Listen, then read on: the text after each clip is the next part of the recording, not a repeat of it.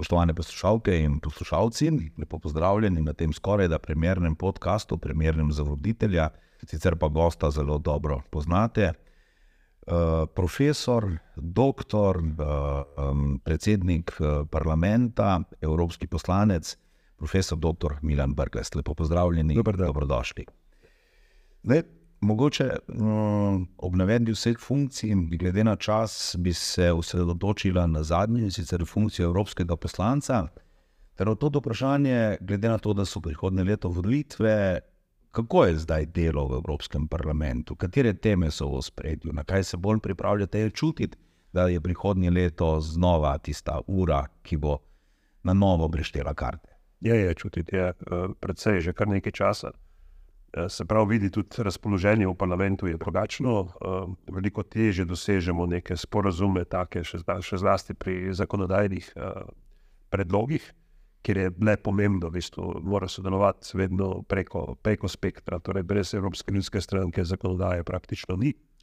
In ta levi pol se mora z njimi znati povezati, in v tem zadnjem obdobju se s pomočjo desnice zelo postavljajo proti uh, nekaterim dosjejem iz tega zelenega prehoda. Uh, in se to prav čuti. V bistvu, mogoče najbolj tesna zadeva je bila nedavno nazaj uh, obnova narave, torej zakon o obnovi narave, nekaj, kar bi moral biti v interesu slovenskega kmeta, čeprav mogoče se marsikdo ne bi strinjal, ampak dejansko so naši kmetje premajhni, da bi bili deležni res spodbud strani uh, skupne kmetijske politike, medtem ko ohranjanje narave bi bil pa način, da kakšnega uh, bi lahko tudi za njih uh, bilo poskrbljeno, ker če hočeš kaj no, vzdrževati, je v bistvu življenje kmeta pravzaprav povezano z, z rekel, biološko raznovrstnostjo, s katero se Slovenija še toliko hvali. Mislim, da ja, tukaj, tukaj je bilo zelo, zelo tesno. To, tudi smo glasovali,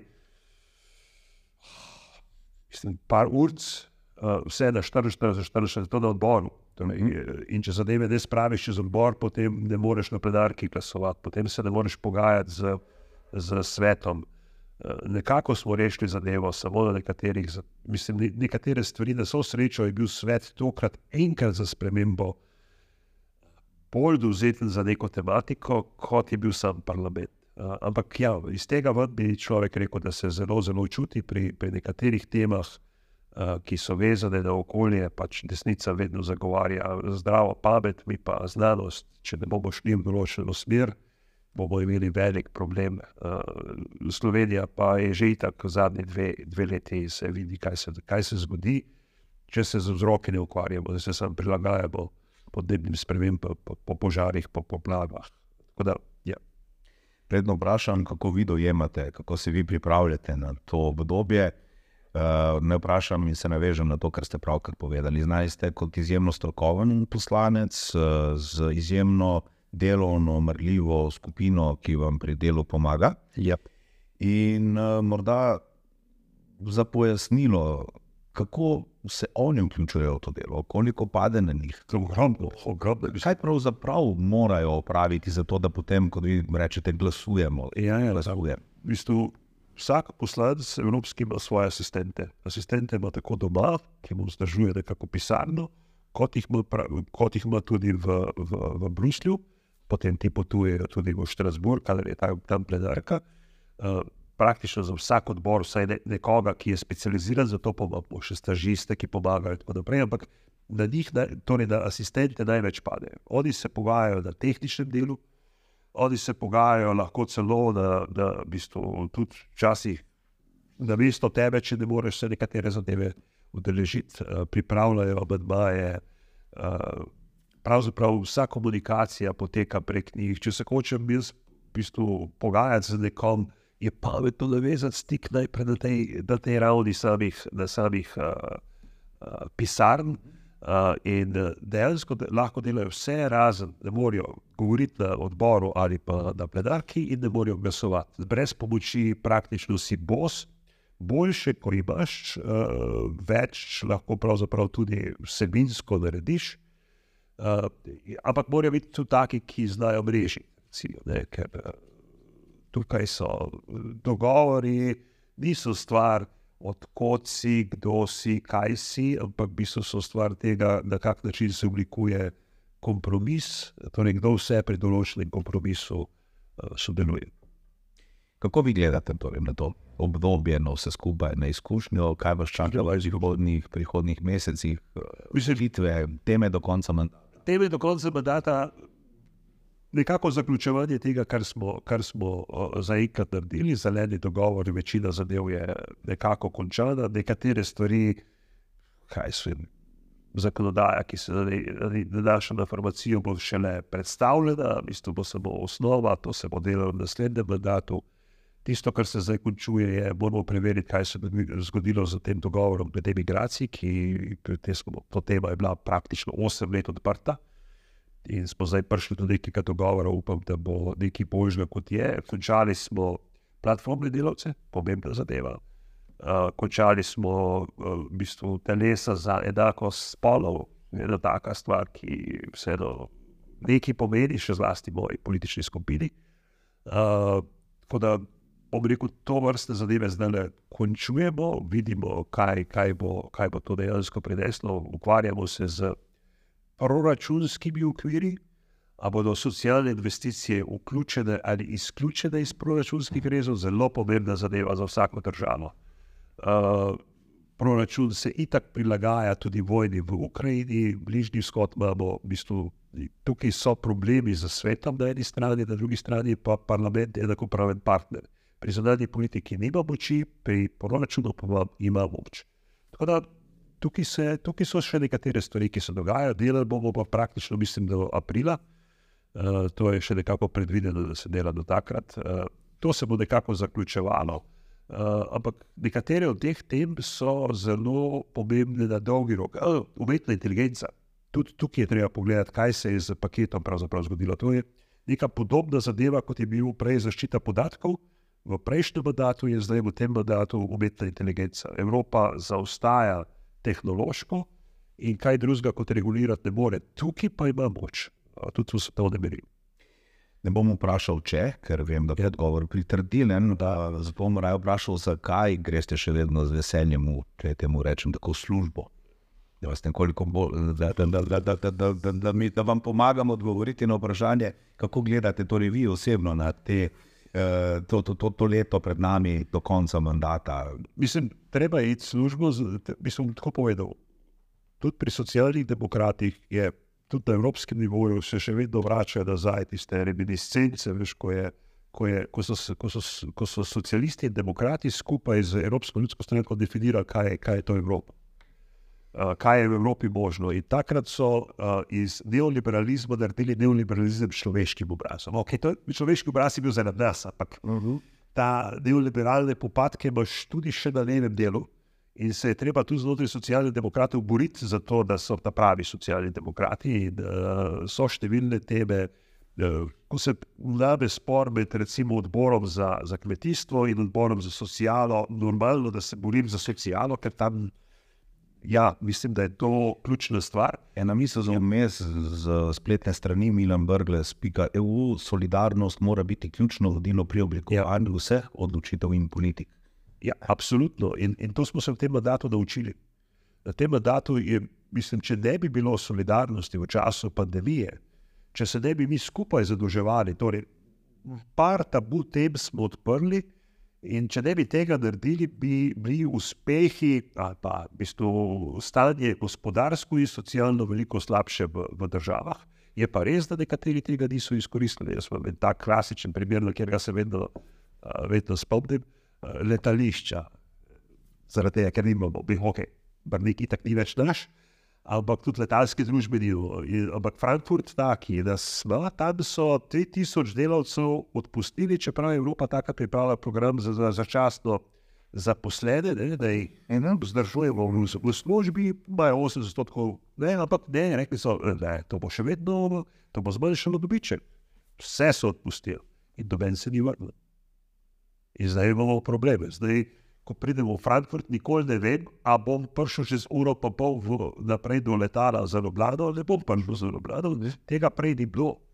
In dejansko se je usluga bistveno poslabšala zaradi te godje za, za, za dobičkom, ki, vsaj kar se tiče evropske zakonodaje, ni tisto, na kaj mi stavimo. Sedaj pa ne moramo prisiliti teh velikih, da bi nekaj naredili. Je pa res, da na nacionalni ravni pa nič ne moramo glede tega narediti v, v razmerju do teh multinacionalk. Tako da uh, tukaj je ena, ena stvar, nedokončana zgodba, vedno se bomo tokli na, na, na tem nivoju. Še malo sem vrnil na preomenjeno spletno stran na mirenbrgles.eu in uh, rekel, gnoj je zlato in zlato je gnoj. Ne. To je misel, to je kosovela misel ki je služila za povzemanje stanja v Evropi, ki se od srečkovih uh, časov ni bistveno spremenila, če sledim vaši misli. Oziroma, naslavlja še vedno, naslavljati moramo še vedno iste probleme, iste težave, iste izzive moramo reševati, ja. za katere smo upali, verjeli ali celo jih včasih spravili za agende. Ja, ampak, uh, bistvo, kaj damo kot gnoj, je strašno pomembno za te v tem mandatu smo uh, povedali zadevo, oziroma smo zgrešili, ni, ni, ni, ni, ni, parlament ni uspel sprejeti svojega poročila o pesticidih. Uh, ena od stvari, ki uh mhm. -huh. je novodobni gnoj, uh -huh. lahko rečem, torej, je bilo vsaj za desni del važnejša zaščita industrije, za levi del pa zaščita, da moramo reči, potrošnikov, to, kaj jemo. Da, to je nepomembna stvar. Uh, in uh, dejansko zaradi tega je bilo na koncu bolje, da, da parlament sploh uh, v bistvu tega poročila ni sprejel. S tem se je praktično zadeva premaknila v, v naslednji mandat. Ampak uh, in bo seveda odvisno od večine, ki se bo takrat oblikovala na evropskih volitvah. Ker to pa je ena od stvari, v bistvu te evropske volitve ne določajo samo parlamentarno sestavo, določajo sestavo praktično celot vseh institucij v, v Evropi, tistih, ki lahko nekaj odločajo. Volitve, skratka, ki nas čakajo prihodnje ja. leto, so zelo, zelo pomembne zelo. za prihodnost Evropske unije. Zelo, ker če, če uspe tem, ki se hočejo vrniti nazaj v čas zgolj nacionalnih držav, torej da bi iz Evropske unije naredili navadno mednarodno organizacijo, to pomeni, bistvo, da bomo na milost in nemilost prepuščeni uh, ta velikim, ker potem pravila ne bodo več tista, ki bodo ključna. Da, je, za Slovenijo je ključno, da se pravila oblikujejo in da so zaščita, pod zaščito sodišča, ker potem lahko se kakšna stvar tudi v našo korist odvije. V nasprotnem primeru, če bo samo moč igrala, potem vemo, že vsi sosedi so močnejši od nas, če se igramo po onih klasičnih, realističnih zadevah, čeprav ta niso, ni, ni edina, ampak seveda ni edina v svetu, ki, kjer, kjer je Evropska unija močna preomenjeni Kosovel, oziroma besede iz Kosovelove pesmi so pod naslovom Kons, Kons 5. Ja. Um, če so to konstruktivne teme, s katerimi bo potrebno še pristopiti, mogoče še kakšna taka za konec. Um, in, oziroma, tako, če, smo, če, če ste izpostavili tiste, ki nas morajo skrbeti, in ste jih prijeli, in nekatere tudi umaknili že z agende, uh, katere so pa tiste, ki so take lepe, ki jih velja izpostaviti za ta konec leta, zato da bomo lahko z večjim eh, mirom pričakali. Kajti, če se uresniči scenarij, ki ste ga ja. okvirili, je prihodnost Evrope tega največjega civilizacijskega napredka v zadnjih nekaj desetletjih pod velikim vprašanjem. Je pa vprašanje. Pa veliko, verjamem, tudi dobrega. Je, je, je, je dobro, v bistvu, se pravi, brez Evrope v bistvu, mi ne bi glede zelenih tip, torej nujnosti da se ukvarjamo s podnebnimi spremembami, praktično ne bi naredili nič. Nacionalno smo prešipki, da bi to kaj takega naredili, še zlasti parlament je mogel potiskati to zadevo. Eh, na socialnem področju mislim, da je zelo pomembno, da, da je ta evropski sistem minimalnih plač, eh, ki se nekako postavi in tudi podpora socialnemu dialogu, sindikalnemu organiziranju in tako naprej. Uh, tisto, kar je, kjer sem bil sam tudi poročevalec, eh, zdaj se ukvarjamo končno tudi z oskrbo na evropski ravni, čeprav je to v nacionalni pristojnosti, ampak ravno zaradi posledic COVID-a uh, se ukvarjamo pravzaprav z tem podplačanim, slabo plačanim, ker si krademo kadre področjem, brez katerega pa dobe ne more COVID, da se bomo in, in v bistvu podočiti. Uh, v zadnjem tega je pa v bistvu vprašanje spet klasično. Ženske, moški, večina tega skrbstvenega dela pade na ženski, ni ne plačano ali pa slabo plačano. In je treba iz teh zadev neke, neke, neke stvari narediti. Vsaj začeli smo se s to zadevo ukvarjati. Jaz mislim, da je nadaljevanje tega, da tudi na evropski ravni nekaj naredimo nekako logično. Tako kot smo recimo v tem mandatu končno dokončali v bistvu jamstvo za otroke. Mislim, ja, zakaj bi skrbeli, če ne za otroke? Torej, jamstvo za otroke, torej za najbolj ranljive. Začela se je pa zadeva že v prejšnjem mandatu, torej rabili so 8 let, da je zadeva postala vsaj približno operacionalna. E, in tako bi morala biti, po mojem, operacionalizirana tudi za številne druge zadeve. Pa v prejšnjih mandatih ena od takih zelo dobrih zadev, ki se je naredila, jamstvo za mlade. E, še zlasti v času prejšnje finančne krize, zelo pomembna zadeva, ki je omogočila, da, se, da, da, da, da smo se z brezposobnostjo mladih sploh začeli ukvarjati. Uh, so pa te stvari, ja, v bistvu, vzamejo svoj čas, to je, to je nedvomno. Ampak na drugi strani je pa res, bistvu, da, se, da se z tem evropskim pritiskom to lahko naredi. Uh, jaz mislim, da so to neki dosežki, ki nam bodo omogočili nekaj narediti, ampak morate pa nekaj vedeti. Na evropski ravni bo vsak politik rekel, da je vedno za otroke, za starejše, karkoli. Ampak morate pogledati, kako pa glasuje takrat, ko gre za denar takrat se pa bistveno loči glasovanje od tistega, ko je na načelni ravni. Torej, vse naredijo za to, da neka stvar ne pride na dnevni red, recimo, da otroci ne pridejo na dnevni red, da osebe z invalidnostmi ali pa starejši ne pridejo na dnevni red. Ker ko pridejo, ni, ni dvoma, da se. Ne bodo kontraglasovani, ne, ne, ne, ne, ne. ampak prej bo pa vse naredili, da, da, da, da pravzaprav zadeva ne pride na dnevni red. To je ta lahko rečemo tudi liberalni pristop k celotni zadevi. In zaradi tega, ker je treba resno imeti, potrebuješ socialne demokrate, potrebuješ tudi zelene, potrebuješ tudi levico, da potiskamo to zadevo. Močnejši, ko smo na tem področju, teže da si izločiti iz kompromisov, ker kompromisi so pa vedno tako. Zadeva zgleda tako, moraš nekaj od levice vzeti, nekaj od zelenih, največ od socialnih demokratov, vzameš nekaj od liberalcev, ker vsi niti ne sodelujejo, ampak vedno pri zakonodaji moraš tudi Evropsko ljudsko stranko upoštevati. To mora biti nek širok konsens. To je nekaj drugega, kot je v Sloveniji, ko imaš pozicijo po opozicijo. Meni je najbolj všeč v Evropskem parlamentu, kot ni pozicije po opoziciji, ampak pri vsakem vprašanju iskanje kompromisa, večine in da podlagi tega gremo naprej. Torej, prihodnost bo, čeprav so v rdečem studiu, zelena evropska. Zelena, zelena in rdeča. Zele, ja, ja, no, Ker to je, tudi strokovnjaki priznavajo, da je bistvo nove socialne demokracije v združevanju teh dveh tem.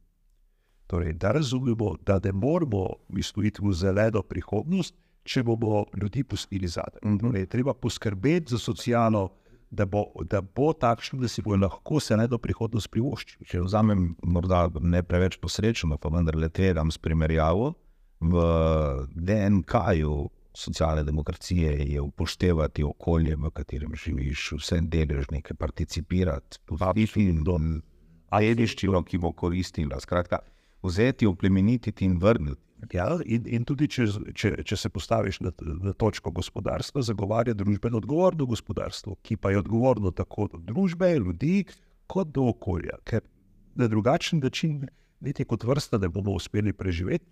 Je pa res, da je pa Evropa, ne, to pa je treba videti, ta trenutek, recimo, kaj se mi proizvedemo 8% izpustov, ki so problematični. Ampak, če pogledamo zgodovinsko, pa da so te še da bolj drugačni, da so bolj več odgovorni in bodo pomagali tudi drugemu delu sveta, da bo šel naprej, ker drugače pač kot, kot vrsta ne bomo rešili, pri nas so že itak eh, sprememba temperatur več kot 2%. Oziroma, ja, več kot 2 stopinji, kar je že zelo, zelo uh, nevarno, to nas res zelo opozarja, da je treba se s temi zadevami ukvarjati. Hkrati pa vidiš na nacionalni ravni, da je odvisno od leve ali desne vlade, da ni moči, da bi lahko to sama naredila in potrebuje Evropo, da jo potiska v določeno smer. Ja, se jih potem vsi malo betijo, ampak brez tega ne bomo sledili temu, kar nas znanstveniki upozarjajo. Desnica pa pravi, ja, zdrava pamet, bolj počasi. Ja. ja. 20 let nazaj smo vedeli, kaj se dogaja.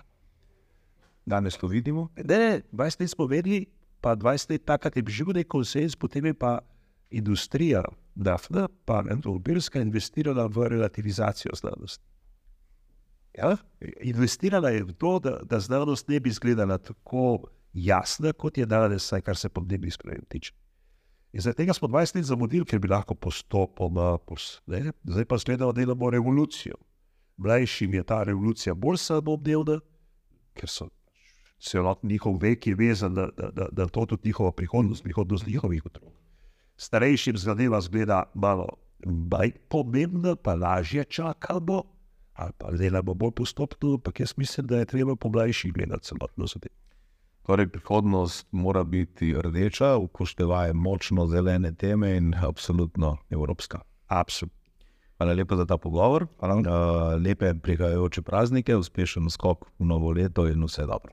Isto želim tudi vsem poslušalcem, torej miren božič in srečno novo.